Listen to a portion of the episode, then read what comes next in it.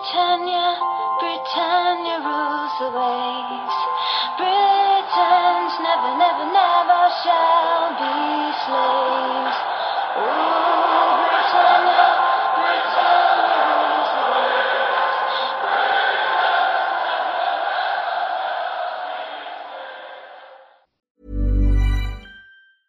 Hiring for your small business? If you're not looking for professionals on LinkedIn, you're looking in the wrong place. That's like looking for your car keys in a fish tank. LinkedIn helps you hire professionals you can't find anywhere else, even those who aren't actively searching for a new job but might be open to the perfect role. In a given month, over 70% of LinkedIn users don't even visit other leading job sites. So start looking in the right place. With LinkedIn, you can hire professionals like a professional. Post your free job on linkedin.com slash people today.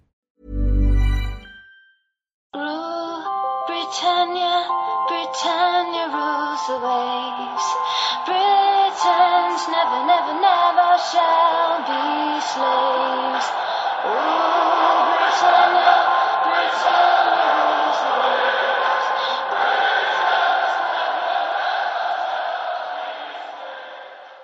Hjärtligt välkomna till Svenska FPL-podden avsnitt 145.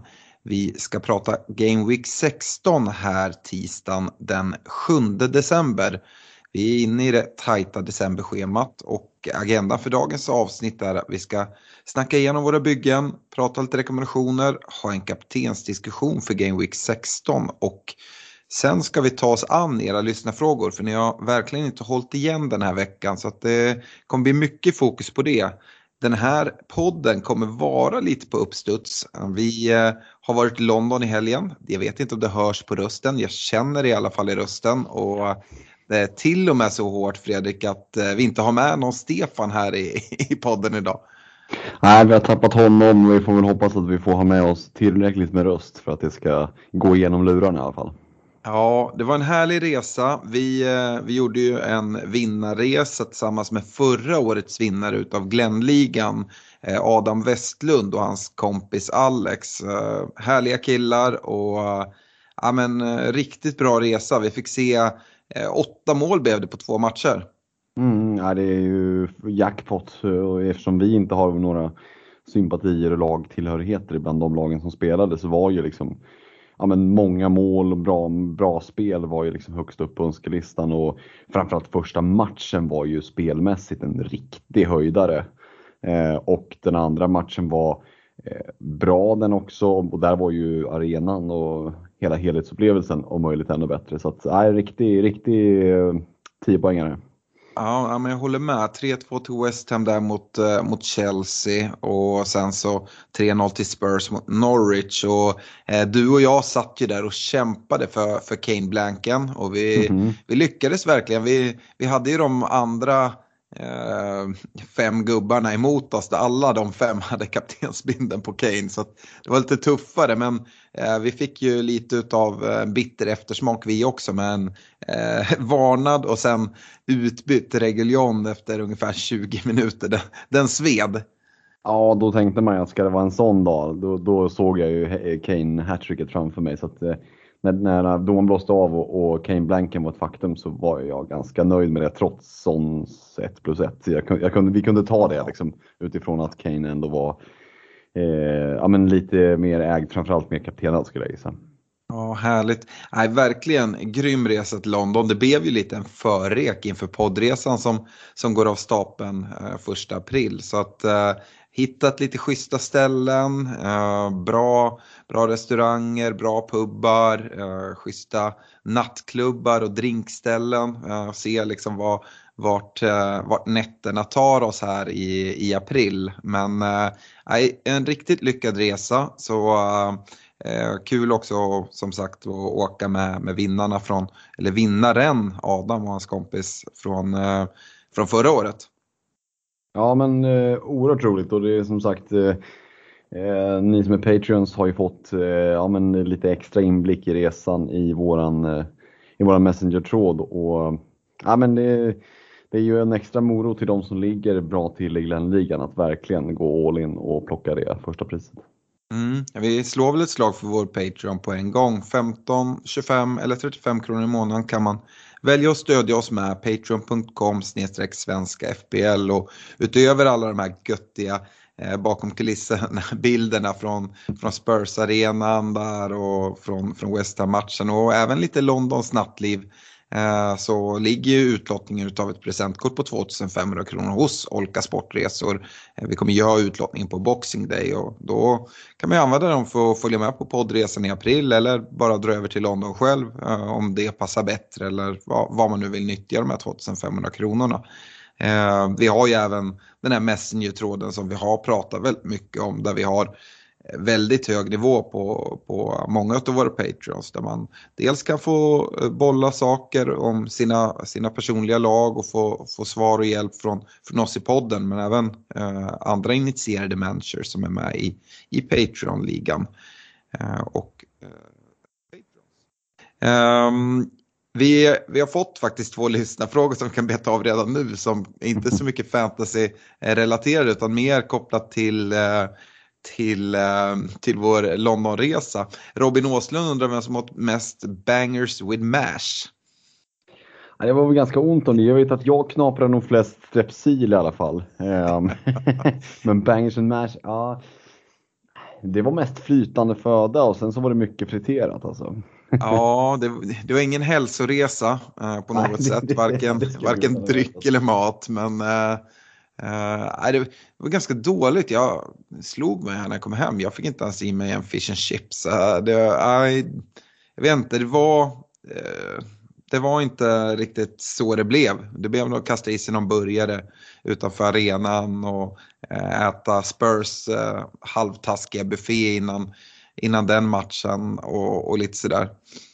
Generellt sett så maten i, i, det är ju inte för maten du åker till London. Eh, om du inte ska gå och käka liksom på fine dining ställen och det var kanske inte dit eh, som våra vägar tog oss utan vi var ju där för fotbollen och kanske mer för det som, det som dracks snarare än det som åts. Absolut. Sen så London bjuder ju på jättefin mat också. Vi eh, var på en italiensk restaurang där uh, liksom, man även fick liksom gourmanddelen. Ehm, du, du var inne på att det var mycket flytande. Magnus eh, Perrault undrar hur många bitters passerade genom systemet. ja, det blev, det, blev någon, det blev lite jäger om det, det kan klassas in. Mm. Och... Eh, ja, vi, vi har väl inte kanske 100% koll, det är inte så att vi har fört någon bok direkt, men ni hör ju på våra röster att de, de eh, ja, vi har, vi har testat dem rejält här nu i, i helgen. Ja, jag för ingen bok så, däremot så har jag kollat kontoutdraget och eh, ja, det kan snabbt konstatera att det blev ett par enheter. Eh, Magnus undrar också om vi såg Harry Kane när vi var, var på, på Spurs arena, för han har inte sett honom på ett tag. Vad säger du? Ja men det gjorde vi ju. Eh, vi satt ju verkligen och jobbade och jag tycker att vi ska ha eh, lite, för, lite förtjänst där till att jobba bort att han Eh, får egentligen ett riktigt drömläge där han väljer att lobba utanför. Relativt enkel lobb för en, liksom ett heltidsproffs. Han skulle även kunna bara välja att dra den efter backen tror jag och på första stolpen och gjort mål. Och det fanns några sådana lägen men vi såg ju redan på uppvärmningen att äh, det var inte fullt fokus. Det var mer fokus på Lukas Mora som som lyckades med sitt drömmål. Det såg man faktiskt mer av på uppvärmningen också. Jag tyckte han satte dit ganska många fina bollar. Mm. Ja, men just Spurs-matchen var ju intressant. Vi hade ju sådana här hospitality-biljetter och ska man, ska man köpa hospitality-biljetter så är ju Tottenham Hotspur Stadium verkligen the place to be med den typen av VIP-loge-biljetter. För det är en av de få arenorna där du faktiskt sitter och kan stå och ha men i princip bästa platserna på arenan och kolla på uppvärmningen. Mm. Samtidigt som du är i VIP-logen. Um, och som du säger, uppvärmningen där, som inte Kane gjorde, satte han något skott? vi stod och tittade ganska länge och det var, det var missar, det var utanför och målvakten rädda och så tyckte vi, ja men det var ju en okej okay räddning så insåg att det var inte ens Loris som stod i mål, det var ju tredje keepern som liksom hoppade runt. Eh, men apropå Lukas Mora där så måste jag ändå säga att när man väl är på plats och ser matchen och ser det som är utanför kameravinkeln jävlar vilken jobbig spelare det måste vara att möta för han löpte hela, hela tiden. Tog de här löpningarna, sen fick han ju aldrig bollen för den går ju till Kane mm. ändå som droppar ner och tar den. Men eh, det var intressant. Jag har inte registrerat det när jag har sett Spurs matcher på TV tidigare, att han tar så mycket djupledslöpningar. Mm. Eh, och sådana detaljer är ju alltid intressanta att se när man är på plats. Mm. Eh, sen den där Kane-lobben, den skedde ju precis nedanför oss. Så där, mm. ja, men där kör vi lite, claimar vi ju lite cred för att han faktiskt brände den. Absolut, nu får vi en del lyssnare som hatar oss och andra, ja. andra som gillar oss lite mer. Eh, gällande Kane och hans uppvärmning där så tror jag att eh, vinnaren från förra året, Adam, han, han kikade på Kane först. Alltså, fan, jävlar, han gör mål på allting. Kolla! Och det blev nästan så att Adam jinxade. För sen började alla kolla och som du säger, det var ingen av oss andra som såg en enda kasse på uppvärmningen eh, efter han hade slängt ur sig det. Så, att, ja, så kan det vara. Eh, du och jag hade ju inte Kane, eh, varken som kapten eller i våra lag. Eh, och om vi då ska, snabbt ska gå vidare och kolla på hur våra, våra byggen och hur det går för dem. Så det är väl många som känner igen sig att det här kanske inte var den, den bästa omgången. Men eh, Fredrik, eh, du avancerar, det är ju inte supermånga platser. Du låg ju redan på plats 1049 här mm. innan. Men går upp till 1010 efter 52 härliga poäng. Ja, det var, jag var ju livrädd där i, i måndags kväll eh, att Ramsdale skulle gå in och plocka någon nolla och bonus och sådär. Det hade kunnat varit förödande, men, men eh, nu gjorde han inte det. Everton gjorde jobbet, tackar vi för. Eh, och, eh, jag krånglar mig ur det här med en ganska bra game week ändå. Eh, mm. Ganska låga average point på 43, det säger ju det mesta. Ja, både jag och Stefan får, får röda pilar. Eh, du har ju bara faktiskt 59 poäng upp till eh, ledaren i hela fantasy. Eh, 59 poäng, visst det är en del poäng, det är ingenting man tar ikapp så här på, på en omgång speciellt ofta och tar sig förbi tusen personer. Men, men eh, sett till att vi bara har passerat 15 game weeks så är det ju faktiskt med i racet om att kunna vinna hela alltet. Även om det ska mycket till och det ska studsa mycket rätt så, så är du ändå där. Ja, det, det, är ju, jag vet inte riktigt mycket jag har tänkt på det, men, men det, det, är klart att det, det, jag har inte varit så här, aldrig varit så nära som nu, så kan man ju se det. Eh, sen när man sneglar och ser att man är femma i Patreon-ligan, då det är väl kanske där som jag får blicka mot mest, men vi har ju eh, vi har riktigt eh, vassa människor, så kikar jag lite snabbt där. Om man, ja, men som jag då ligger på plats 1010 i världen, vad ligger man i Sverige då? Ja, då är man 57 i Sverige. Mm. Eh, så att, det, det är eh, duktiga managers i, eh, från Sverige kan vi konstatera. Ja, jag skulle säga det. Lyckas du vinna Patreon-ligan så tror jag att du kommer ligga väldigt, väldigt bra till i overallen när vi summerar. Mm. Uh, ja, Stefan, han eh, hade ju binder på Kane, tog 37 poäng och det gick ju till och med så dåligt att Stefan gjorde ett lagnamnsbyte och gick in på FC Snegunga efter Kane Blanken. Eller det var väl till och med innan Kane Blanken bytet kom. Eh, så han tappar lite nere på 172k. Eh, 955 poäng totalt. Jag tar någon poäng till, 40 pinnar blev det. Ändå röda pilar eh, från plats 11 000 ner till 19 000 overall rank. Eh, men har passerat 1000 poäng strecket i alla fall med mina totala 1006 poäng.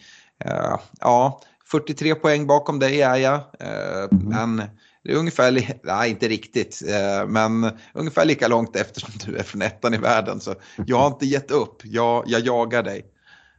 Ja men det, det känns, alltså herregud, som sagt det, det, det, vi vet hur snabbt det kan svänga och det är mer än halva säsongen kvar så det här är liksom bara att, att fortsätta. Jag tycker ändå det är kul att vi är, så även om, om du och framförallt Stefan hade en väldigt tung gameweek så är det ju, vi är fortfarande med i matchen. Liksom. Det är ett, bra, ett par bra gameweeks här nu i slutet av december så, så kan eh, vår säsongen bli riktigt rolig ändå. Ja, men så är det. Eh, vi ska rikta ett stort tack till, till våra partners, Olka Sportresor som eh, så, såg till att vi kunde ha den här härliga resan till London tillsammans med vinnarna från förra året. Eh, även Glenn Sportsbar där Martin och Mackan hakade på till London och gjorde att vi hade det riktigt trevligt tillsammans. Men även nakata.se och unisportstore.se som ser till att vi har fina priser i poddligan. Ehm, Fredrik, eh, tycker du vi ska kliva in i veckans rekommendationer kanske? Ja men vi, vi, gör, vi kör på tycker jag. Yes, eh, och eh, Eh, på försvarssidan förra veckan så stod du med dubbel Chelsea, Alonso James tillsammans med en Cancelo. Mm, här ska vi göra lite smärre justeringar. Eh, Cancelo tycker jag fortfarande är superfin. James imponerade väl inte jättemycket i, mot West Ham. Eh, spelet gick inte riktigt så mycket via honom som man hade kanske hoppats på. Eh, å andra sidan West Ham vet vi ju hur, hur bra de är. Eh, men Cancelo och James får vara kvar. Däremot så ryker Alonso nu med lite strulande rygg och sådär. Och eh, det är Diaz som kommer in. Eh, och mycket tack vare att Citys spelschema ser riktigt fint ut. Tycker att den där, vad ska man säga, horden av backar som man ville ha in har liksom ja, men det har droppat från en efter en och lite skadekänningar här. Och, jag vet inte, eh, inte alls samma liksom, iver på att bara mosa in backar. Eh, jag tycker Diaz är ett fint val eh, då, så det är därför han kommer in i reken. Men jag känner inte samma, jag sitter inte med Diaz nu själv, gjorde det tidigare. Och det är ju inte så att han blir ett prioriterat byte att plocka in. Eh, då, då finns det andra lagdelar jag hellre gör byten i. Eh, och där ser vi hur snabbt det går, för det var ju bara ett par veckor sedan som vi satt och sa att försvaret är där man vill göra bytena. Så att eh, Diaz, James Cancelo får det bli. Mm. Eh, roligt, jag hade ju själv eh, samma, samma trio i Alonso, James, Cancelo förra veckan och har tänkt liknande som dig kopplat till Alonsos ryggskada. Jag skulle inte säga att det är en spelare man byter ut nu men om jag skulle plocka in någon, eh, jag vet inte, jag tror inte jag hade kollat mot det dubbla Chelsea-försvaret och jag vet inte om man blir förblindad över att de släpper tre mot West Ham. Eh, men eh, tror ändå inte det. Eh, och jag, precis som du, jämförde egentligen schemat för Chelsea eh, kopplat mot City. Och visst, det är inte så att eh, Chelseas schema skrämmer på något sätt. Men om man kollar på lite längre tid och liksom hur många byten man vill göra så är det, ja men det är Leeds nu, det är en jättebra match. Sen är det Everton hemma som också är en jättebra match. Sen är det de här tuffa bortamatcherna mot Wolves, Villa, och så kommer Brighton, Liverpool, City, Tottenham efter varandra. Och sen, icke att förglömma, nu är vi långt fram i tiden, men jag kollar ändå. Då har de ju sin dubbelblank där i 24-25 då de ska iväg och spela eh, klubblags-VM. Mm. Och ja, det är såklart man kan ta in spelare nu och sen byta ut dem när man närmar sig där. Men uh, jämför jag liksom kolla City, det är så här, jag kan sitta med dem hur länge som helst. Uh, du gick på Diaz, uh, mm. tycker Diaz är ett jättebra val. Han vilar ju ikväll, det är ju Champions League-kväll. Uh, fick ett tre minuters inhopp bara. Så att han mm. lär ju spela nu till helgen. Han har även fått någon, någon vila här i, i ligan.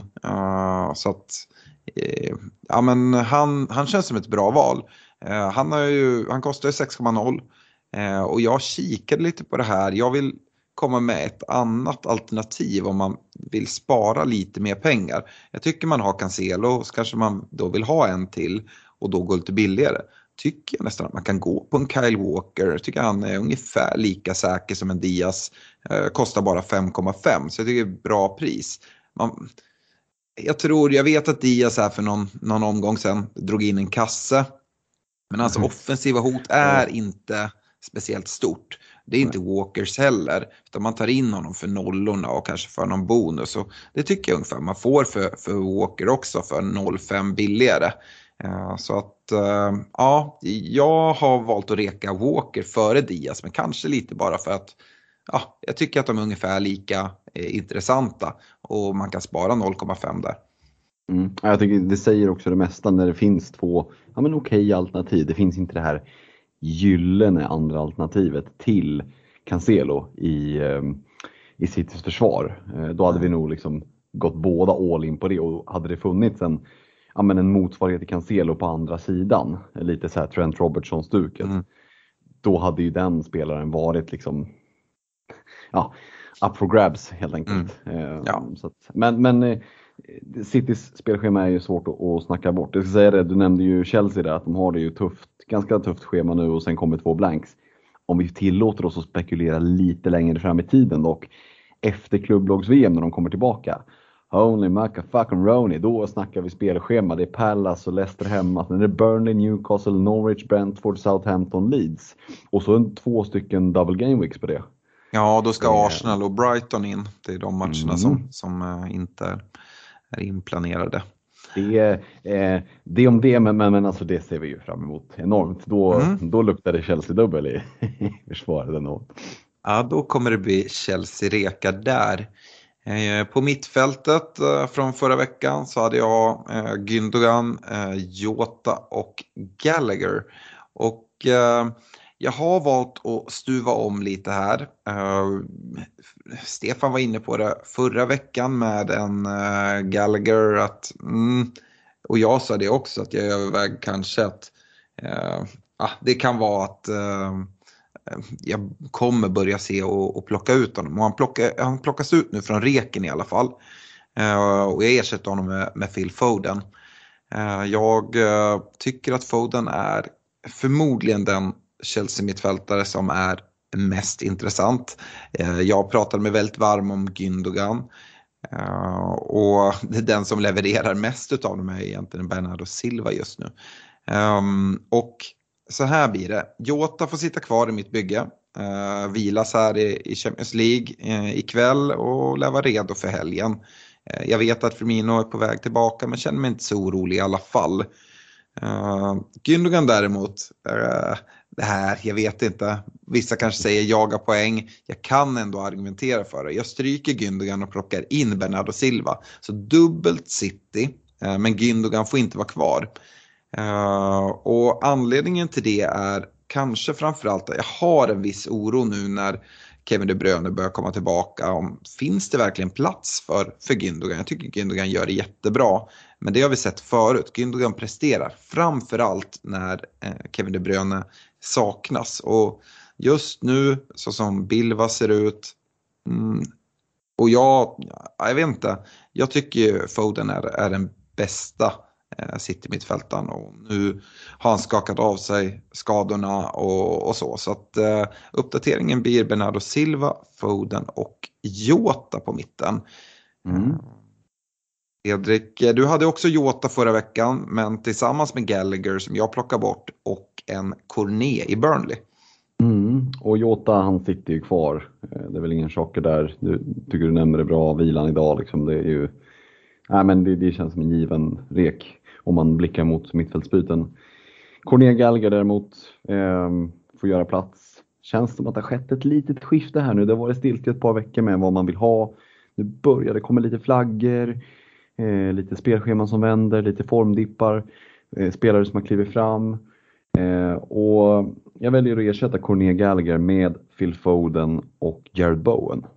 Mm. Eh, jag tycker Bowen såg väldigt fin ut när vi såg honom live, men utöver det så han har tagit bra med poäng och sen så vet jag att en del kan tycka att vi fokuserar lite väl mycket på spelscheman ibland. Men det är svårt att snacka bort här nu att man kliver in mot Burnley. Så kommer Arsenal, sen har vi Norwich, Southampton, Watford, Palace, Leeds. Jag tycker att eh, det börjar bli läge att blicka mot West Ham eh, eh, offensiven eller ja, i hela laget egentligen. Men framförallt Jared Bowen som har sett riktigt fin ut. Ja, så Bowen var en sån spelare som mycket väl kunde ha kommit med i min rek här också. Men jag, jag valde dubbelt City i alla fall. Mm. Ja, men så Jota, Foden, Bowen eh, hade jag gärna suttit med eh, som en liten trio i mitt eget bygge. Ja, eh, på forwardsidan så rekade en annan West Ham-spelare förra, uh, förra veckan och vi fick en assist mm. från Antonio men det var ju mycket på grund av ett drömmål av, av Masuako. Kane mm. och Antonio hade du uh, på reklistan förra veckan. Mm, och det känns väldigt skönt att kunna skicka Kane från den här reken nu. Eh, den här Norwich-matchen är över eh, och nej, han har ju inte gjort någonting för att stanna kvar där. Eh, inte ens, inte ens ett okej okay inte ens ett okej okay spelschema hade kunnat rädda Kane nu faktiskt. Eh, Antonio, jag var inne på det med Bowen. Eh, Antonio är en sån där spelare som har ett väldigt högt tak och nu när det kommer lite mer tacksamma matcher. Jag som inte har honom i bygget kan ju avslöja att jag blickar ju själv mot att plocka in honom. Men istället för Kane då så står jag i valet och kvalet där mellan, eh, mellan Josh King som känns som ett ganska naturligt byte, väldigt prisvärd anfallare. Också ett fint spelschema nu om vi ska prata om det. Eh, har tagit bra med poäng, straffskytt. Det finns väldigt mycket argument för att gå på King. Låg TSB på 6,0 och, och jag tycker att det är ett bra val. Men jag väljer ändå att gå på Ollie Watkins. Eh, då kan man tycka, ah, det är ju lite, en vecka tidigt, i Liverpool borta den här veckan. Ja, det är det. Men du kan inte spara alla byten till exakt den veckan eh, som du sitter och nu ska jag göra För det kommer att dyka upp flaggor och det kommer att och, och dyka upp massa annat jox så sitter du där och så får du inte in honom när du vill ha in honom. Och nästa vecka, mm, då är det Norwich och sen är det Burnley. Sen är det lite tuffare med Chelsea, så kommer Leeds och Brentford. Så att när Liverpool borta nu är avstädat och det är Gerards återkomst, det kan mm. vara så att publiken eldar igång, det blir lite så här eh, ja men inte raggarfotboll, men det skulle inte förvåna mig om det blir 4-2 till, till Liverpool för att publiken bara är helt i extas. Eh, och då tror jag att Watkins kan ha bra chans. Så att, eh, nej, Watkins känns het för mig och eh, jag eh, har ingen som helst problem med att plocka in honom redan nu. Blickar mot att eventuellt göra det i, i egna bygget. Vi får se om jag har pengarna, men eh, ja, Watkins, Antonio. Mm. Varför inte 4-2 till Aston Villa i den matchen? Eh, Watkins gillar att göra mål mot er. Eh, oerhört snabb spelare. Nej, eh, skämt åsido. Eh, jag eh, satt förra veckan och egentligen berättade vilken rek jag skulle komma med den här veckan och står på mig. Eh, förra veckan hade jag Jesus och Tony men eh, båda två vinkar vi adjö till. Tony har förvisso en bra match och helt okej okay spelschema här framåt. Men jag gillar ju precis som dig Antonio och jag gillar även Josh King som du egentligen redan har nämnt. Uh, gillar Watkins också. Uh, nu har vi bara två skulle vi ha tre så hade det säkert varit Antonio King Watkins. Eh, från min sida i alla fall. Och det lät så när du pratade om att du, du är inte helt emot en, en King heller. Nej, verkligen inte. Så, um, nej, jag, eh, jag gillar verkligen eh, det här. Och eh, ja, en spelare som vi inte nämner här på forwardsidan det är en Cristiano Ronaldo som absolut är en bubblare eh, som man kan gå på här. Och Eh, vi kommer att prata om honom mer både under kaptensdiskussionen och under lyssnarfrågorna. Så att eh, jag väljer att avvakta lite där. Eh, jag har ju honom i mitt bygge Eh, som det är nu. Jag har planerat att ta ut honom och sen så har jag skjutit lite på det, så har jag skjutit lite på det.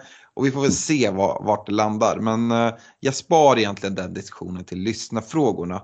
Eh, Antonio King blir mitt, min forwardsrek. Eh, går vi till kaptensdiskussionen för Game Week 16 så ska vi först och främst flagga upp för att det är fredagsdeadline. Det är alltså deadline 19.30 på fredagskvällen då Brentford och Watford sparkar igång klockan 21. Och eh, uh, Brentford-Watford i all ära, vi pratar upp King, där sitter ingen bindel. Uh, ja, vi, uh, vi sa ju det att uh, det är ju Rodgers återkomst. Mm. Liverpool spelar på Anfield mot Aston Villa. Mohamed Salah, han ska alltid pratas om när det är uh, en kaptensdiskussion så som det är nu. Eh, den här permakaptenen har för många suttit där. Eh, vissa lekte med Kane den här veckan, blev väl inte superstraffade då, då Salah bara gör eh, en sen assist i matchen. Samtidigt så, jag vet inte, jag känner mig som en skiva som upprepar sig. Men det är en blank i Game Week 2 mot Burnley, annars så är det leverans. Och det är det jag vill ha från en kapten. Så Mohamed Salah, mm, det lockar. Sen blir man ju bara förbannad på en eh, Jürgen Klopp som väljer att spela Salah, både Salah och Mané faktiskt i en obe, alltså helt betydelselös match mot, mot Milan här i Champions League nu eh, ikväll på tisdagen. Och um, nu har jag, har jag igång matchen här precis bredvid och jag ser att det är två Liverpool-gubbar som står och värmer vid sidan eh, och hoppar. Eh, jag tror att Salah går ut nu och då har han spelat en timme. Jajamän, det gör han. Mm. Och det är ju i alla fall ett gott tecken. Mm. Och det är ingen skada han går ut för utan han joggar av plan här. Ja. Fick han göra mål också. Han ville göra sju mål på, på sex matcher. och ta rekordet från Firmino där så det får ändå eh, en, en nöjd Salah är viktigt också. Jag håller med dig, det var ju, det var liksom, jag bara suckade mm. tungt när jag såg startuppställningen. Eh, men eh, så länge han är hel och nöjd, ja, Även, även Mané klev av nu. Och um, det, det är ju ändå härligt. Jag tror ju att en Cristiano Ronaldo uh, kan lägga sig i en kaptenssektion den här veckan. Och jag tror att han kommer vila mot Young Boys. Uh, eftersom det är en betydelselös match. Nu får vi se vad Ragnik gör. Men det är vad jag tror. Uh, ja, eh, för egen del där jag sitter med båda spelarna så har jag min busskapten på en eh, Mohamed Salah. Och jag har svårt att se att den kommer flyttas över till Cristiano Ronaldo. Jag, jag litar helt enkelt mer på Liverpool och jag litar mer på Mohamed Salah. Mm. Det, jag tycker Ronaldo ändå är en, en utmanare. Eh, men just den där, och han lär väl spela, tänker jag. Eh, så. Eh, och det är ju en riktigt bra match, visserligen bortaplan, men ja. Vi såg ju Norwich live och det är inte så att Norwich egentligen är är sådär urusla. De, är bara, de räcker liksom inte till i någon lagdel. De är liksom som kollektiv lite, lite för dåliga. Eh, men håller uppe spelet ganska bra och sådär. Får någon chans men den bränner dem. Och gör liksom inga dundertabbar i försvaret utan det är mer att de, de håller inte riktigt den högsta nivån. Det märks ganska Nej. tydligt tycker jag.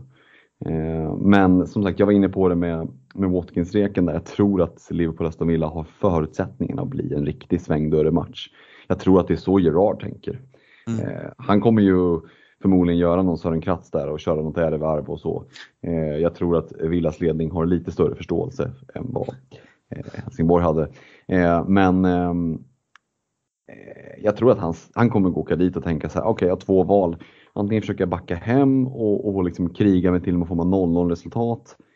Eh, och det har ju gått sådär för de som andra som har kommit dit. Eh, jag tror att han kommer gå all in. Han kommer chansa, öppna spjällen och bara gasa. Kanske inte liksom lyfta hög backlinje och, och liksom ge bort sig så, men jag tror inte att han kommer liksom parkera bussen alla José Mourinho utan eh, publiken i extas.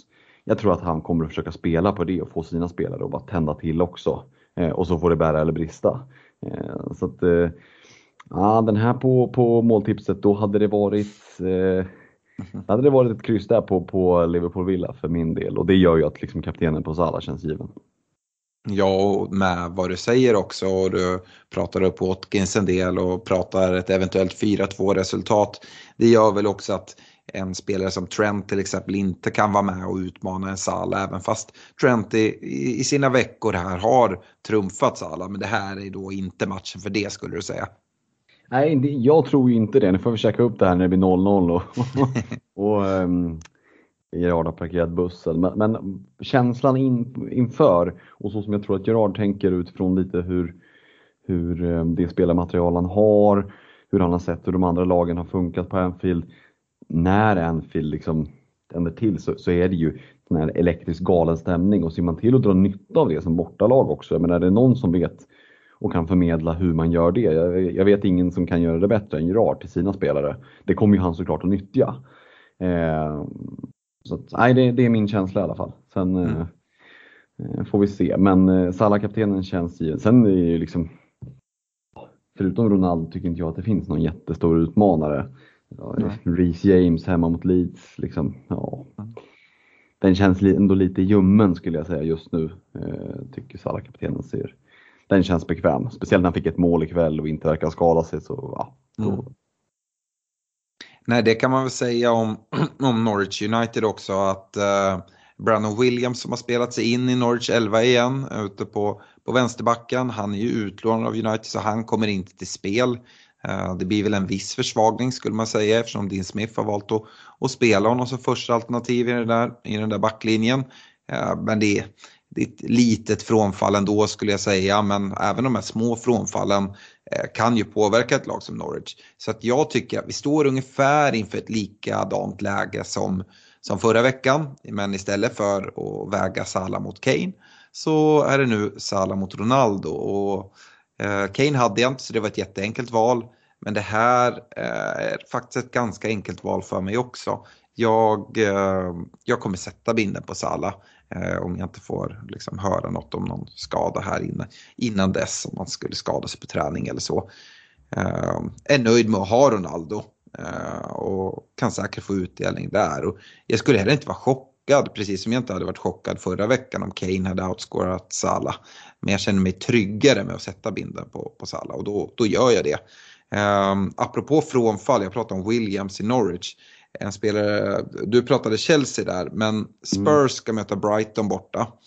Uh, och uh, Brighton är ju ett lag som uh, har extremt mycket frånfall till den här matchen. Men covid-diskussionen i, i Spurs, jag vet inte om alla har hängt med på den, men jag vet inte om det är bekräftat, men det har ryktats väldigt mycket och från ganska bra källor om att ja, bland annat Son och, och, flera andra både spelare och ledare i Spurs är eh, insjuknade i covid. Och det eh, ryktas väl lite om att matchen till och med kan vara i fara.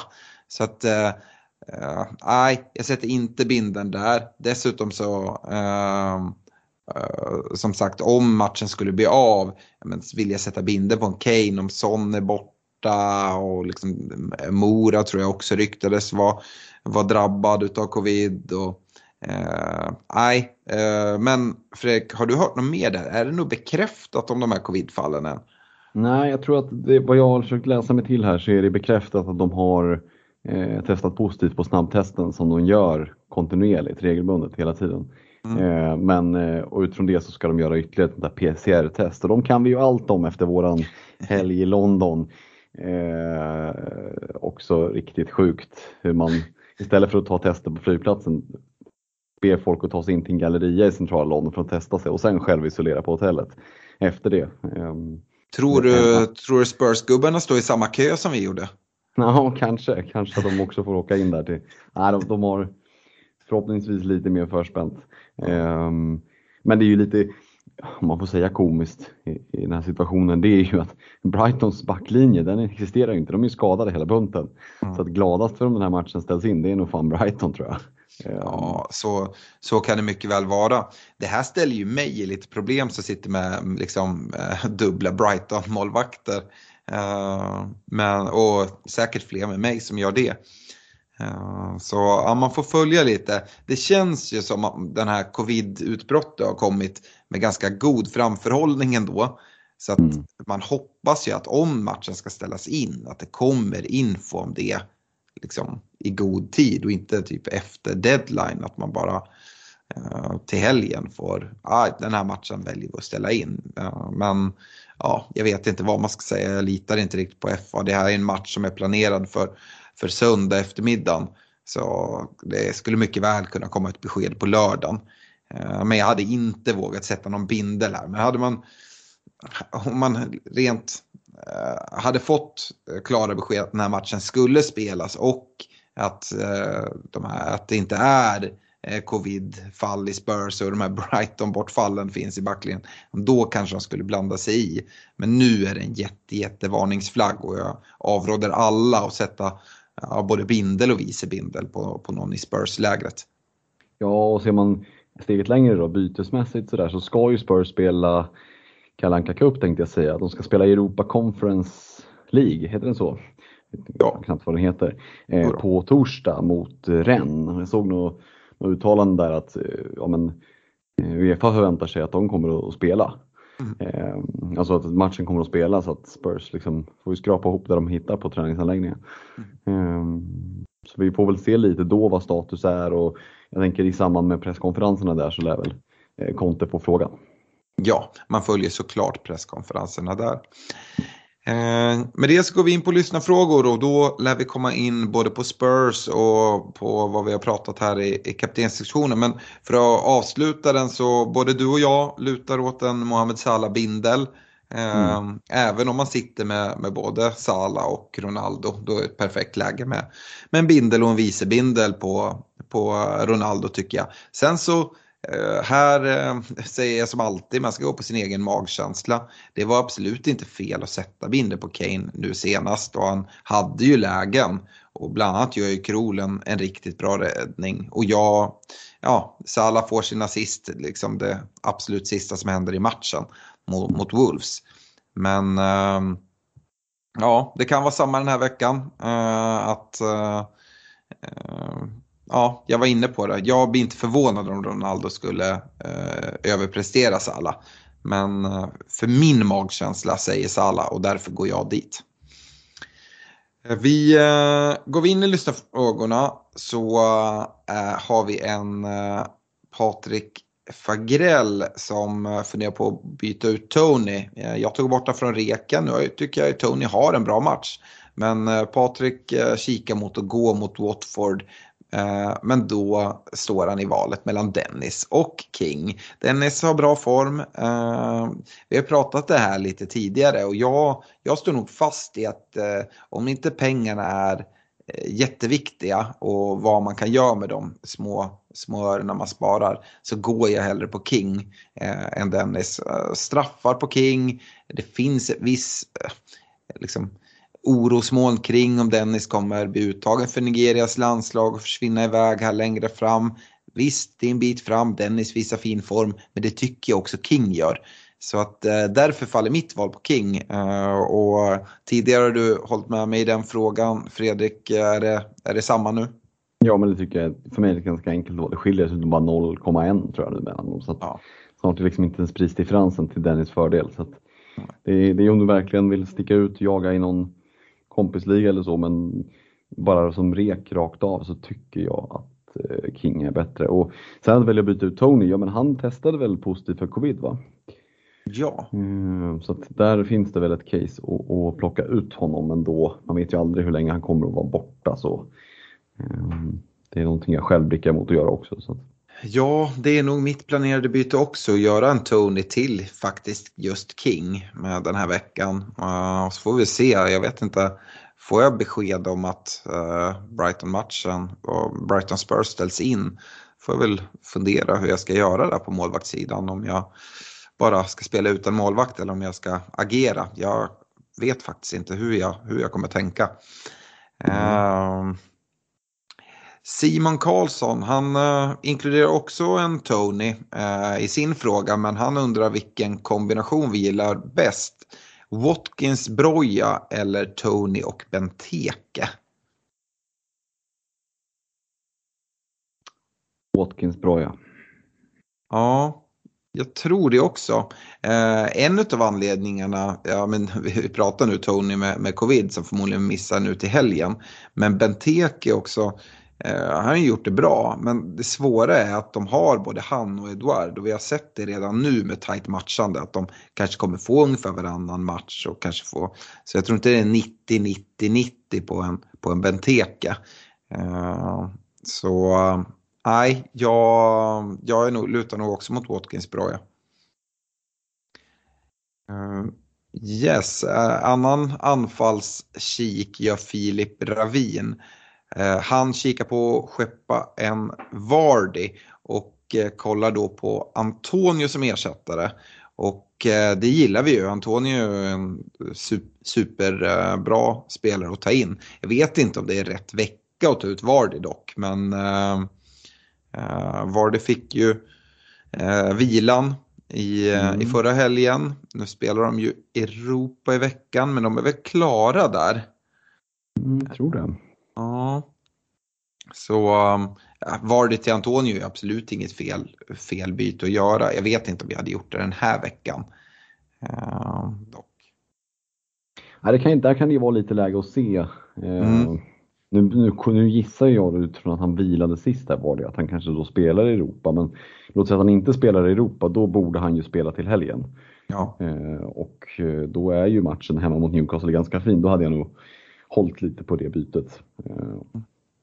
Uh, Igge Lundmark skickade in också och frågade varför Vardy började på bänken senast. Han vill gärna ha honom kvar här mot Newcastle men jag undrar om han kommer spela eller inte. Och där är det väl så att vi är ganska säkra på att det rör sig om en ren vila. Han är ju inte, mm. han är inte 18 längre. Uh, och det är väl ytterligare en anledning till att byta ut honom för att det är ju fortsatt intensivt schema och jag tror att det är så att uh, Rodgers ser inte att Vardy klarar av att spela så tight.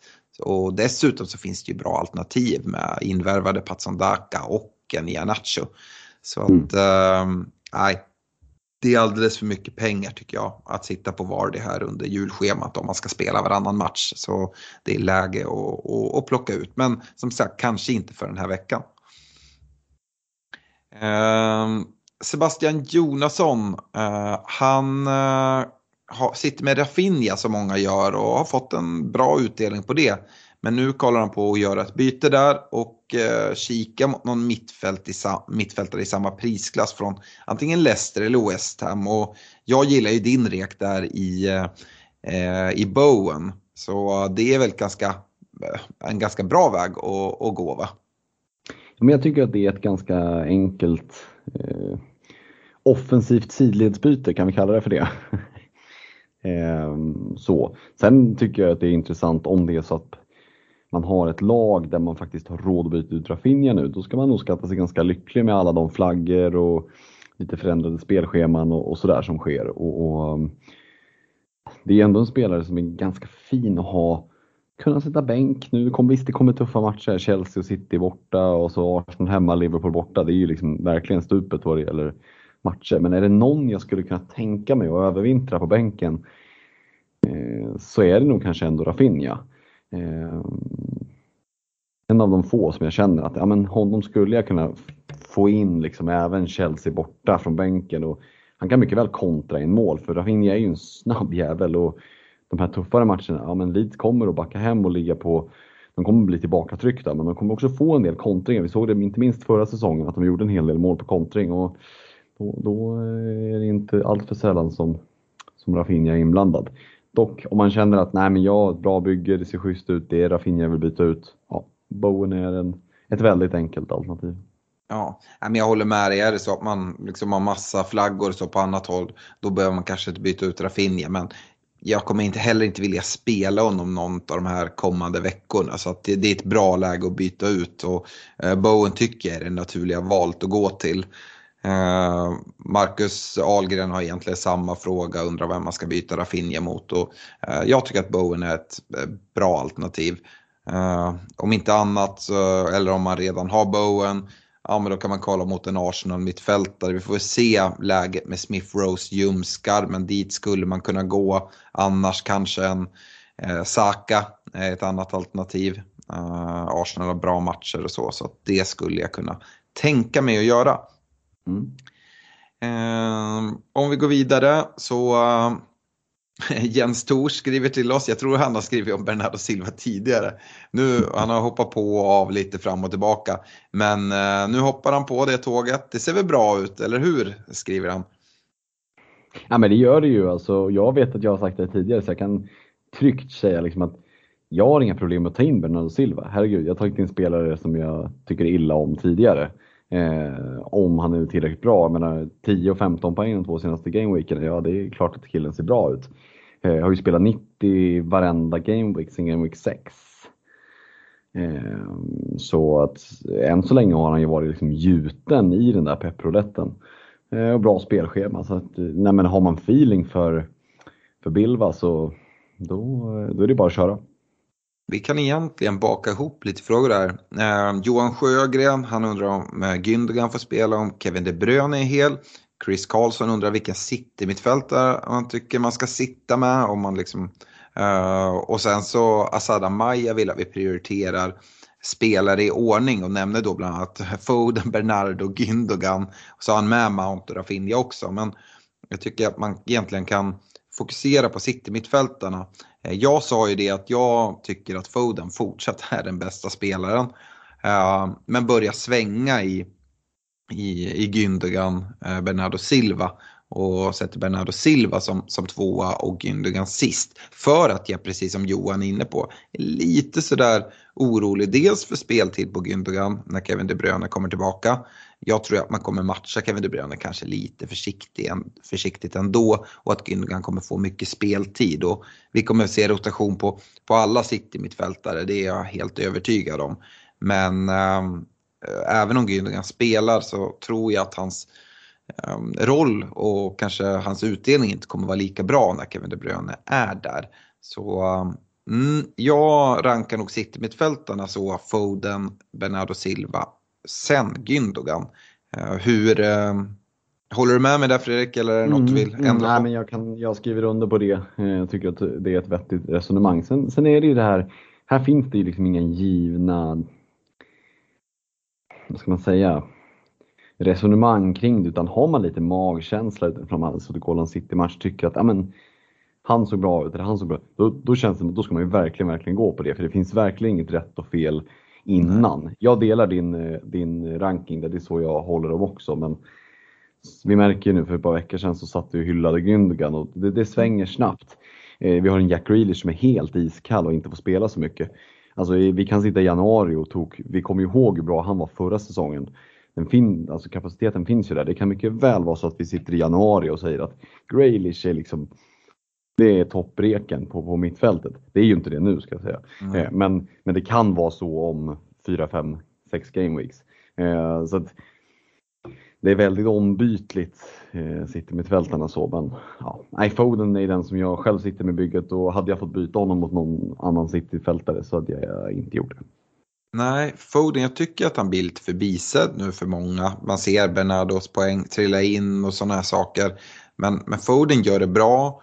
Eh, och han har en stolpträff här i, i helgen också. Och, eh, ja, men, jag tror liksom att Bernardo han, han är, har ju en jättebra form nu. Det är ju inte bara flyt att poängen kommer.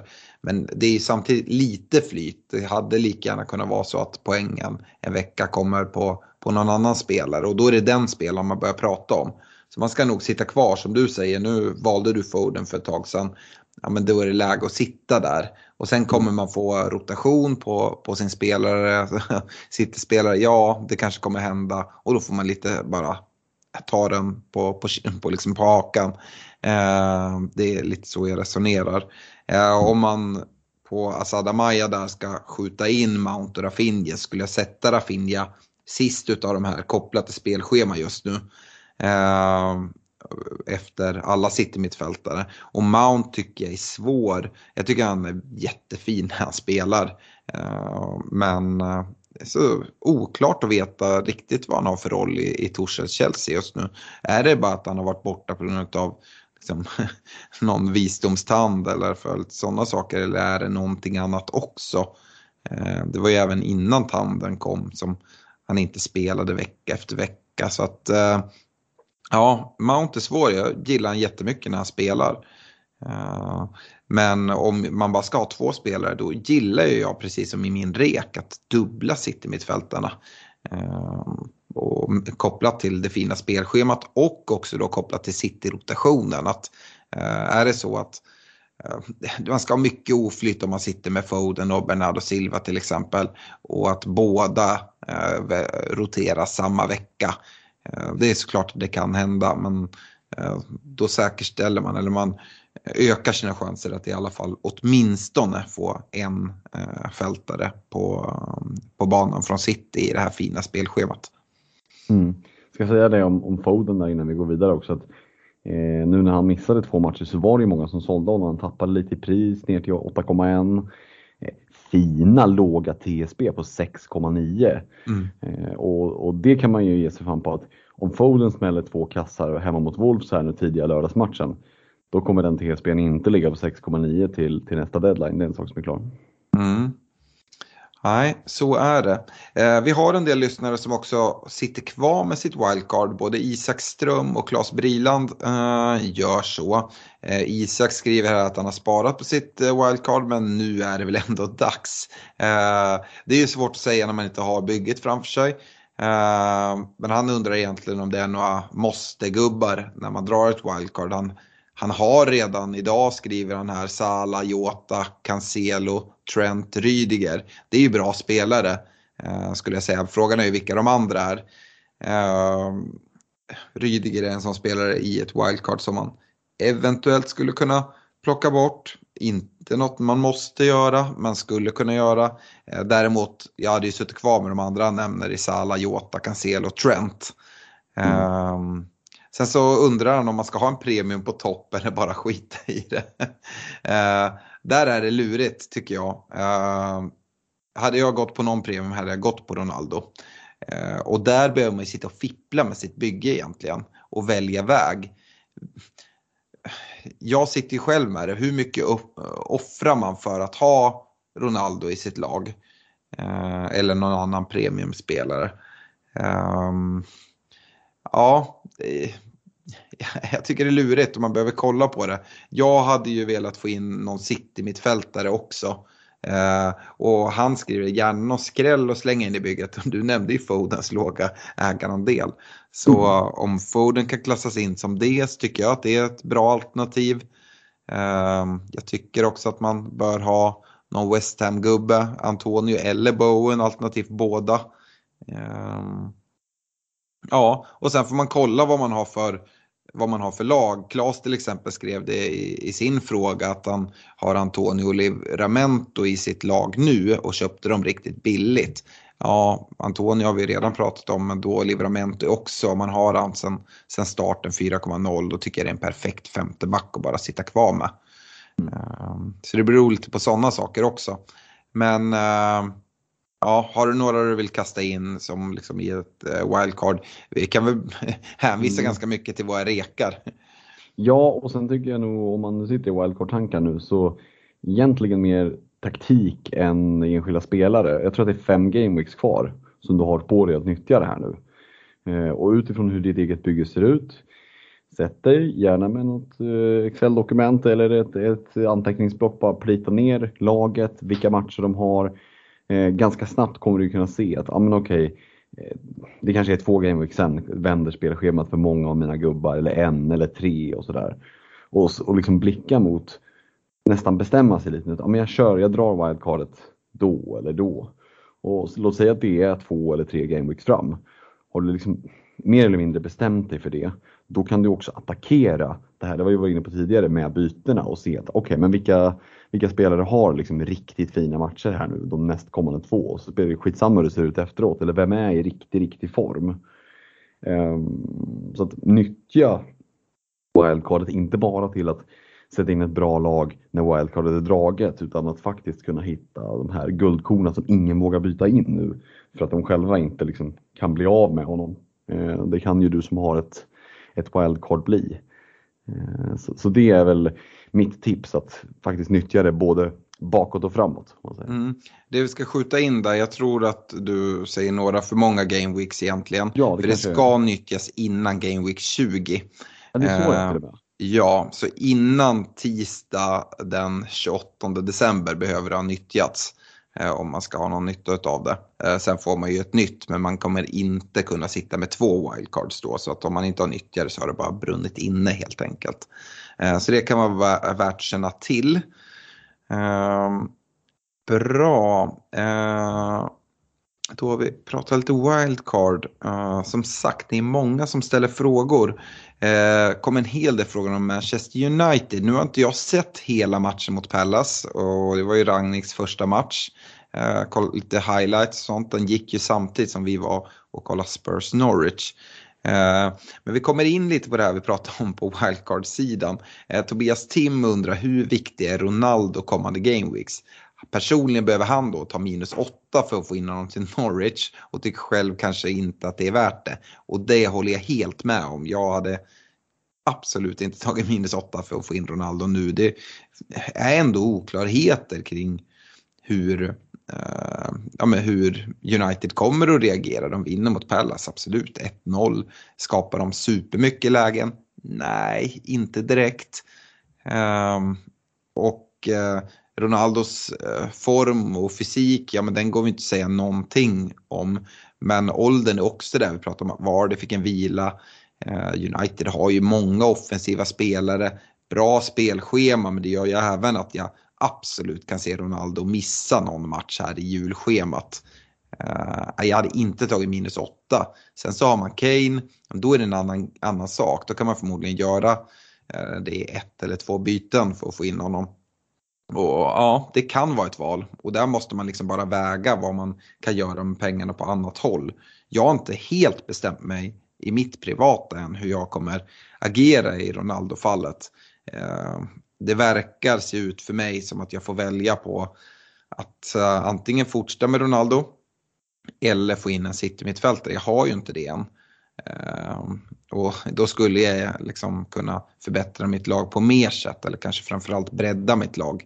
Men ehm, ja, samtidigt, mm, jag kan skjuta lite på den eh, och få, få spela Ronaldo mot Norwich eh, och kanske någon match till. Se om det får några mer tydliga indikationer på vilken city-mittfältare jag vill gå på. vilken liksom, anfallare jag vill gå på istället och lite sånt där. Så att just nu sitter jag lite lugnt. Eh, så får vi se. Hur, hur resonerar du kring, kring Ronaldo eh, där? Jag vet att du inte kollar på att ta in någon för att din struktur inte är riktigt där. Men om man eh, har en enkel väg att, att gå till Ronaldo, tänker du som, som mig då Fredrik att man lite får kolla vad man, vad man kan göra och hur mycket det liksom påverkar ens övriga bygge? Mm, jo men så är det ju. Sitter du med ett okej okay bygge i övrigt utan massa flaggor och sådär och, och, bara har till exempel Kane och känner att nej, den, den icke-prestationen Norwich eh, övertygar ingen. Då kan jag absolut se det enkla bytet till Ronaldo. Eh, kostar inga minuspoäng och du får in Ronaldo i en fin match mot Norwich och med ett bra spelschema sen och du kan liksom du kanske sitter med till och med med två fria, bara göra det bytet, rulla ett byte för att kunna, om det inte alls ser bra ut med Ronaldo sen, växla ut honom och, och växla upp till exempel en, ja, en cityfältare eller vad är det nu man saknar i bygget. Eh, så jag tycker absolut det kan finnas ett case för om man har en lätt väg. Så som frågan var ställd med minus 8, nej det hade jag ju aldrig gjort. Nej. Hade jag tagit minus 4, nej det hade jag förmodligen inte heller gjort. Eh, jag tycker generellt sett nu, eh, känslorna har ju varit, nu är man kanske också lite färre de här riktigt låga average-scoren förra gameweeken, men vi såg det förra gameweeken, de som tog fyra minuspoäng. Det var, det var tungt att hämta upp det. Och, och ja, jag alltid restriktiva minuspoäng, men jag tycker att det finns ett case för, även för lite mer liksom, våghalsiga managers, att faktiskt hålla lite i plånboken och kanske inte gasa på med minuspoängen nu, för det finns inte de där tydliga indikationerna på att ja, men hit måste du gå, utan jag tycker att det står och väger lite. Det finns liksom lite olika sådana där halvintressanta vägar att gå, men ja, inte, inte sådär så att du liksom bara vräker på med minuspoäng för, för de självklara valen. Det, det tycker jag inte. Så att, har en enkel väg till Ronaldo? Ja, annars, ja, men, som för min del, du var inne på det, strukturen tillåter inte det och jag får liksom Gör Ronaldo 2 plus 1 mot Norwich, då är det så. Det är mm. liksom, då, kommer, då kommer jag tappa en del mot de som bindlar honom. Fine, ja. det är liksom, jag har ju satt mig i en situation där jag måste eh, vara beredd på det. Liksom. Mm. Nej, jag tycker det är lurigt. Det som är, är ju som sagt eh, om man har Ronaldo eller man har Kane som då är den enkla vägen till Ronaldo. Eh, caset för att gå på Ronaldo nu från Kane eller sitta kvar med honom det är ju att det är enkelt att i ett senare skede växla över då och byta ut Ronaldo som du var inne på liksom sprida ut pengarna. Det är mycket svårare när man har spritt ut pengarna att välja att gå till Ronaldo. Som i ditt läge nu när du har valt att gå utan premiumanfallare. Om du skulle byta in Ronaldo då skulle du behöva ja, stuva om ganska mycket eh, mm. i, i bygget och ja, förmodligen säkert någon, no, några minuspoäng inkluderade. Eh, så ja, eh, det är som du säger, om man vill ta den chansningen så, så kan man göra det. Det är alltid enkelt att fly ifrån det. Det är svårt att, att gå dit. Så ja, man får se om man, vill, man är beredd att, att, ta den, den chansningen som det är. Uh, om man inte går på Ronaldo så behöver man ju kolla runt. Alltså, Uniteds spelschema är ju fint och där eh, ser jag ju på era lyssnarfrågor att det är många som liksom börjar gräva efter ja, men vart ska man gå. Uh, Josef Tornell, han eh, undrar om det finns bra förutsättningar för Sancho att flyga nu. Uh, ny tränare som uppenbarligen gillar honom och ett långt bra spelschema men bara 61 minuter sist och Greenwood fick en ass efter inhoppet. Och, och, så kommer det väl vara. Sancho är den som jag tycker har varit mest intressant. Här sett till att Ragnik kommer in, jag tycker att han har börjat komma igång. Eh, men han är fortfarande på min watchlist, liksom. jag vill avvakta och se. Det är inte så att jag känner att jag behöver vara absolut först in på honom där. Um, ja, eh, nej, jag, jag tycker att man avvaktar ett tag till på övriga spelare. Är det någon spelare man, man kliver på så är det, är det Ronaldo om man har en enkel väg dit. Men eh, jag är inte så sugen att hoppa på någon annan. Del, delar du den uppfattningen Fredrik? Ja, men jag tänker Sancho nu, början av säsongen här har ju inte spelat så pass mycket att han kommer att matcha honom 90-90-90 hela tiden. Eh, det tror jag inte han liksom jag tror inte att Sanchos kropp skulle må så bra av det eh, från att ha liksom suttit väldigt mycket bänk eh, och haft lite andra liksom Ja, men han har inte haft den kontinuerliga speltiden helt enkelt av olika anledningar.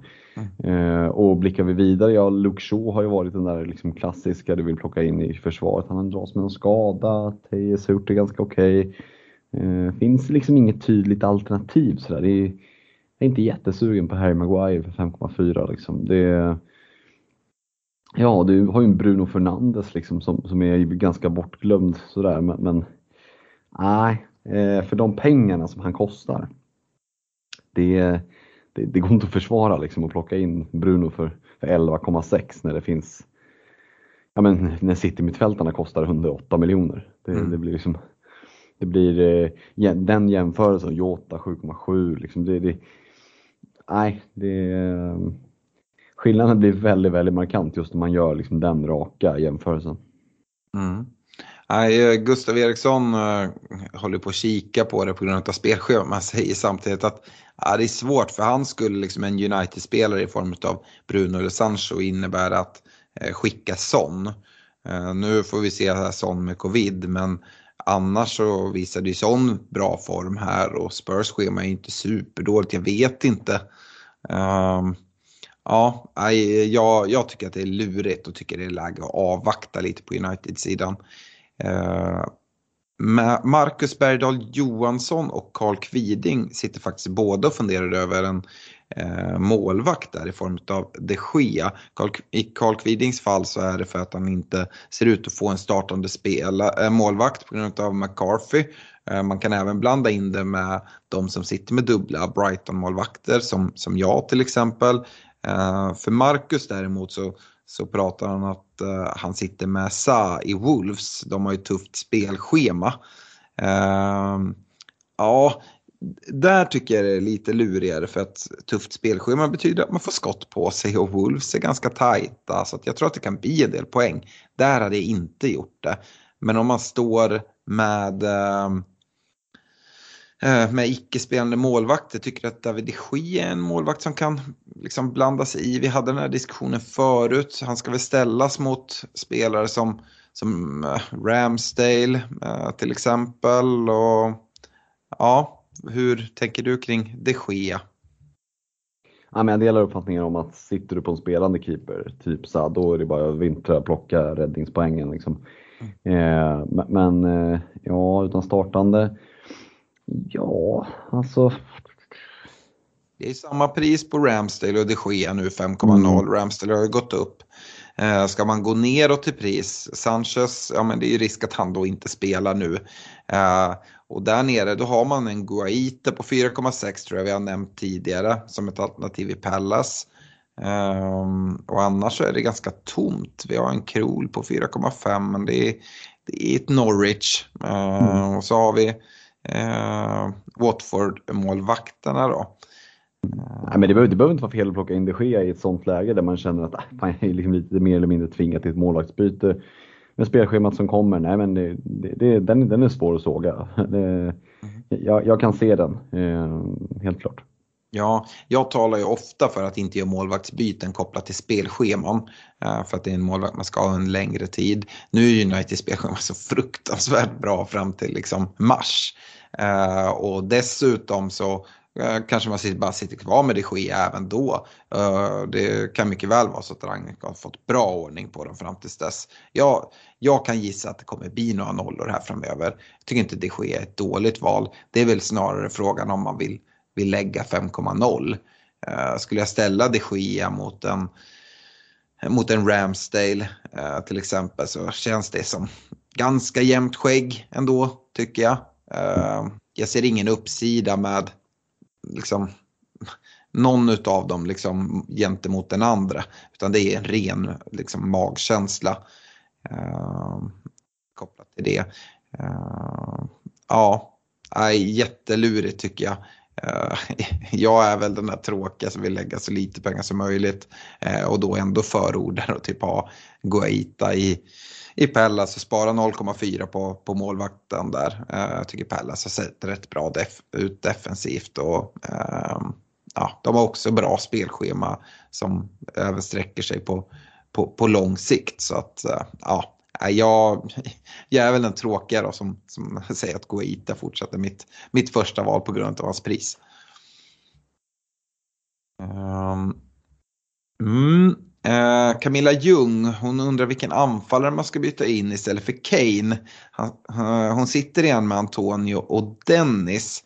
Eh, och vi har ju redan pratat igenom Ronaldo-alternativet, men om man ska gå ner. Eh, här sitter ju hon med, med Dennis så att King är kanske inte läge att plocka in. Då är det väl en, en Watkins vi vill fortsatt slå ett slag för va? Ja men det tycker jag. Det, det, ja, men det, det, känns som den naturliga reken. Ehm, sen är det ju det, ja, Kane, Kane Ronaldo. Ja. Men eh, ja. Nej men Watkins känns ju som, som ett, eh, ett alternativ jag hade blickat mot. Ja, och det är precis som du säger. För mig hade valet stått att gå ner, se vad kan jag göra med pengarna i övriga bygget. Eh, om inte det är något som känns super superbra just nu, då hade det lockats att ändå kliva över på, på Ronaldo och testa han i några omgångar och se hur det flyger. Nu liksom, om man bara kollar för den här gameweeken, antingen göra Kane till en Watkins som ska möta Liverpool, absolut det kan bli svängdörrar, men jag är hellre en Ronaldo mot Norwich. Mm. Uh, och ja, så får man se om man har Ronaldo i en gameweek, två gameweeks eller fem eller tio gameweeks. Det beror lite på vad som händer. Eh, men då har man alternativet att gå ner sen och då kanske det är Watkins man går till. Eller så är det någon annan som har kommit fram. Eh, Calvert Lewin ska tillbaka, vi får se hur han ser ut. Eh, Bamford på väg tillbaka i Leeds. Nu är det spelschema lite jobbigt men beroende på när man ska switcha ner så kan det vara andra anfallsalternativ som, som kan vara av intresse. Eh, Albin Lundqvist, han har två fria byten, funderar på att byta in King och eh, Jadon Sancho mot Jiménez och Gallagher. Eh, han pratar om det som jag tycker att man inte behöver vara. Han vill vara tidig på Sancho. Eh, då det känns som att han kommer göra, få någon så här riktigt bra score snart. Eh, ett alternativ är också eh, att bara göra ett byte, Rafinha, direkt till en Jadon Sancho om det skulle vara bättre. Eh, Ja, ja, jag vet inte. Eh, tycker du att eh, eh, Sancho skulle kunna vara en bra differential att kliva in på tidigt? Eh, eller är du mer i min båt där det kan vara läge att bara avvakta lite även fast man såklart kan gå miste om en, en, en stor score? Ja, alltså han är ju en oerhörd differential. Eh, en TSB på 2,6 procent gör ju att tar han poäng och du inte har honom så kommer det inte skada dig nämnvärt. Tar han poäng och du har honom, ja, då, då är de poängen liksom, det, de är värda sin vikt i guld. Eh, och det tycker jag ändå är, liksom, tjatar kanske lite om det, men det är ändå värt att ha med sig. För det är en väldig skillnad jämfört med om till exempel Salah gör ett mål. Och du mm. bara yes, jag har honom i mitt bygge, yes, jag har honom som kapten. Bara, ja, det har jag alla andra också. Så det är liksom, Salahs mål är inte värt jättemycket i fantasy. Sitter du på Sancho och han gör mål, då är det värt jättemycket. Å andra mm. sidan, han spelar 60 minuter nu här. Hur mycket kommer han att spela? 8,9 det är fortfarande ganska pricey ändå. Alltså United-spelarna känns ju lätt överprisade så som känslan är just nu jämfört med som vi var inne på Jota, City-gubbarna, eh, nämnde Mount och, och sådär. Så att, äh, för min del, jag hade avvaktat utifrån att det finns inte så stora risker med att avvakta. Det är inte så att tåget går och biljetterna är slut i sista avgången utan du kan med ganska liksom lugnt samvete Eh, lugn känsla. Liksom, vänta in och se vad får Rangnick för utdelning här första matchen. Är Sancho given? Kommer han att mm. börja växla upp och spela 90? Ja, men då går det ju att kliva in. Eh, men det är klart, för känner man att man har riktigt stark magkänsla, ja, som jag sa, väljer du att plocka in honom och poängen kommer, då kommer de att värda mycket. Ja, verkligen. Uh, ja, mycket frågor om Spurs också. Uh, Fredrik Halsius, nu får vi utgå att vi får då information om att matchen kommer bli av. Men han undrar om Kane ska få en chans till mot Brightons då söndertrasade backlinje. Um, och jag var inne lite på det att om matchen går av stapeln och uh, Son och Mora och halva laget är, är skadat. Mm, vilken leverans får Kane då? Hur, hur resonerar du? Ja, jag vet inte. Jag ska väl inte, ska väl inte liksom sänka Scarlett med fotknölarna, men jag har svårt att se att liksom Kane ska hitta något supersamarbete i, i liksom Supermac och Bullen där. Det, det, känns inte riktigt. Jag ser inte det framför mig. Um, um, Spurs har inte den bredden på truppen så att, och visst, sen är det ju så utifrån en Situationen i Brightons backlinje gör ju att det kommer ju att vara ganska gröna gubbar som står där men, men eh, det caset är fortfarande svagare än vad Norwich hemma-caset var. Eh, och med tanke på att han blankade Norwich hemma så det, är lite att leta halmstrån ändå för att ha kvar Kane. Jag tycker ju att på förhand så finns det alla argument i världen för att liksom säga tack och hej. Mm. Absolut. Eh, Pontus, han sitter med Son och där är det som sagt covid. Han undrar det, liksom, har vi någon inside gällande? Och det har vi såklart inte. Eh, det är bara att försöka följa med i presskonferenser eh, och, och, höra mer. Eh, men eh, det har varit ganska trovärdiga känslor, eh, källor så att jag, jag, jag tror absolut att Son är en av de spelarna som har drabbats av, av covid. Men tycker att det är läge att avvakta och se ändå. Um, vi har någon fråga till här. Robert Jonsson undrar hur man gör med Jiménez. Uh, du sitter ju med honom, uh, men mm. uh, Ja, han skriver det. Wolves har lite tuffa matcher, absolut. Men eh, kan man inte bara bänka honom då? Bortser man från matcherna mot City, Chelsea och United så har de ett fint spelschema. Och ja. Ja, det... det är lite pengar man ska bänka. Det, ja, det, det är lite det där. Rafinha var ju på gränsen eh, till liksom att stoppa pengar på, på bänken. Eh, Jiménez känns väldigt mycket pengar och, och liksom bänka så många matcher. Eh, inte i rad, men liksom på varandra sådär. Eh, och, och, det är väl lite att se vad man kan få istället. Beroende lite på hur flaggorna ser ut i bygget och sådär. Jag själv sitter med tre flaggor på Reguljon, Smith Rowe och Tony. Eh, sitter med två fria, kommer förmodligen att göra Tony och Jiménez till två mm. anfallare ändå. Så att, för min del är det ganska prioriterat att få ut Jiménez. Eh, och det är mer för att jag faktiskt blickar mot anfallare. Jag har inte Antonio till exempel. Eh, och vi ska återgå till att prata TSB.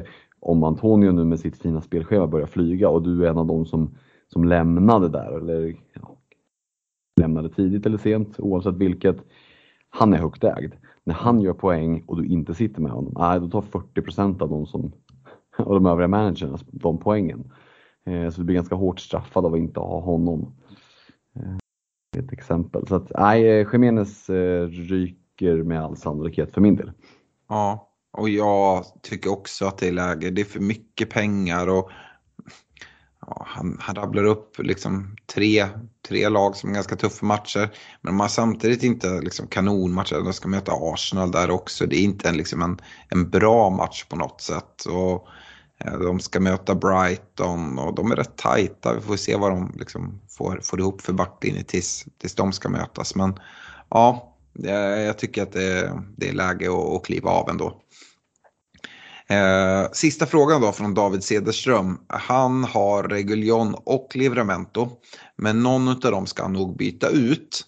Eh, Ja, han funderar på att göra Livramento till Lamptey eller en Reguljon till en Chelsea mittback då han redan har ytterbackarna. Då antar jag att det är James och Alonso. Uh, eventuellt kanske någon i Uniteds backlinje skriver han. Uh, ja, jag tycker det är svårt. Chelsea-back, alltså trippla upp i Chelsea just nu uh, tycker jag är fel läge. Vi var inne på att kanske eh, till och med eh, i, i rekarna att om jag nu skulle ta in och liksom sitta med en eh, Cityback och en Chelsea-back, att jag snarare skulle ta in en andra uh, City-back. Det hade jag nog kikat mer mot och kanske, ja, men varför inte Kyle Walker som, som jag nämnde som är lite billigare för att kunna jämföra dem i priser um, jämfört med, med uh, Chelseas mittbackar. Um, det tycker jag kan vara ett alternativ. Um, Livramento mot Lampty, ja det är svårt. Det där har vi pratat om. Uh, kommer Lampty uh, eh, få spela supermycket nu här i, i jul, eller liksom vecka efter vecka. Han gör det ju bra när han spelar men det är hur, hur, hur riskbenägen man är. Um, jag tycker Livramento känns ganska säker att sitta kvar med. Uh, kopplat till speltid snarare än att gå på Lamptey där. Uh, och Reguljon sa ju själv att han skulle vara tillbaka tidigt. Jag vet att du gillade den tweeten mycket uh, Fredrik. samtidigt är det svårt och det, att han betyder, säger att han ska vara tillbaka tidigt, ja men så gör spelare ganska ofta. Jag vill nog höra liksom lite mera, mer klart från Eh, Eh, från tränare och sånt att ja, men Reguljon, ja, men det var ingen stor grej. Han, han är tillbaka igen till helgen eller förmodligen nästa vecka. Um, jag tycker inte Reguljon är eh, en spelare man behöver byta ut innan man får den informationen. Uh, men om jag skulle göra det så hade jag gått mot, mot uh, City och kanske Kyle Walker. Uh, jag tycker att Uniteds backlinjen är också lite lurig. Just nu så är det Dalot och Telle som spelar på varsin kant. Eh, kommer det vara så? Dalot gjorde det bra nu men ja, jag tycker det är lurigt och på mittbacksidan vet man inte heller riktigt hur Rangnick tänker. Lindelöf känns som att han passar hans fotboll samtidigt. Eh, Maguire kommer, eh, är ju liksom en eh, kapten i, i United och eh, Varann är på väg tillbaka. Mm, nej, jag, jag avvaktar med Uniteds backlinje ett tag till i alla fall. Eh, hur, hur tänker du kring Reguljon Livramento? Är det eh, några byten som du kikar mot? Nej, jag sitter med båda i bygget och lite som du är inne på, Reguljon får, får sitta än så länge om det inte är så att eh, Conte meddelar att det är någon, någon liksom någon backlash där att han eh, drar på sig att det är allvarligare än vad man trodde så känns det som att jag kan övervintra honom Eh, på bänken. Eh, det känns ganska skönt att inte behöva liksom ställa ut fem backar som jag måste spela sådär. Så att, nej, Reguljon Livramento kan, kan gott sitta kvar i mitt bygge känner jag.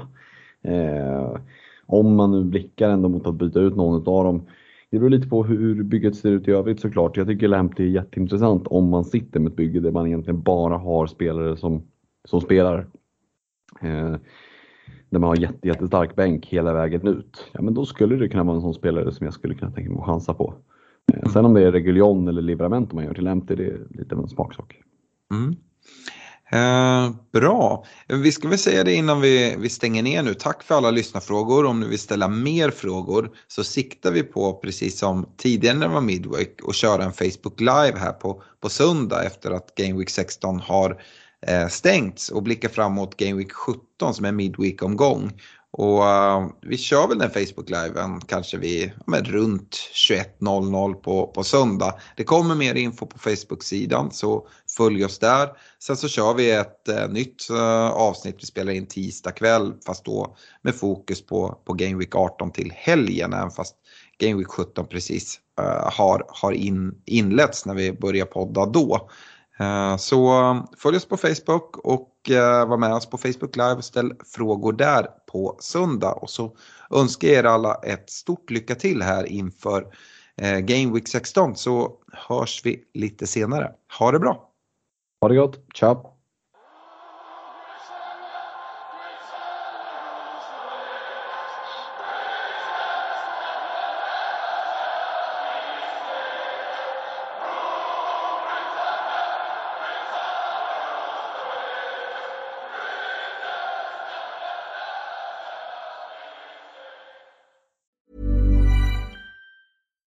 Deserves the best, and there's no better place to shop for Mother's Day than Whole Foods Market. They're your destination for unbeatable savings, from premium gifts to show-stopping flowers and irresistible desserts. Start by saving 33% with Prime on all body care and candles. Then get a 15-stem bunch of tulips for just $9.99 each with Prime. Round out Mom's menu with festive rosé, irresistible berry chantilly cake, and more special treats. Come celebrate Mother's Day at Whole Foods Market.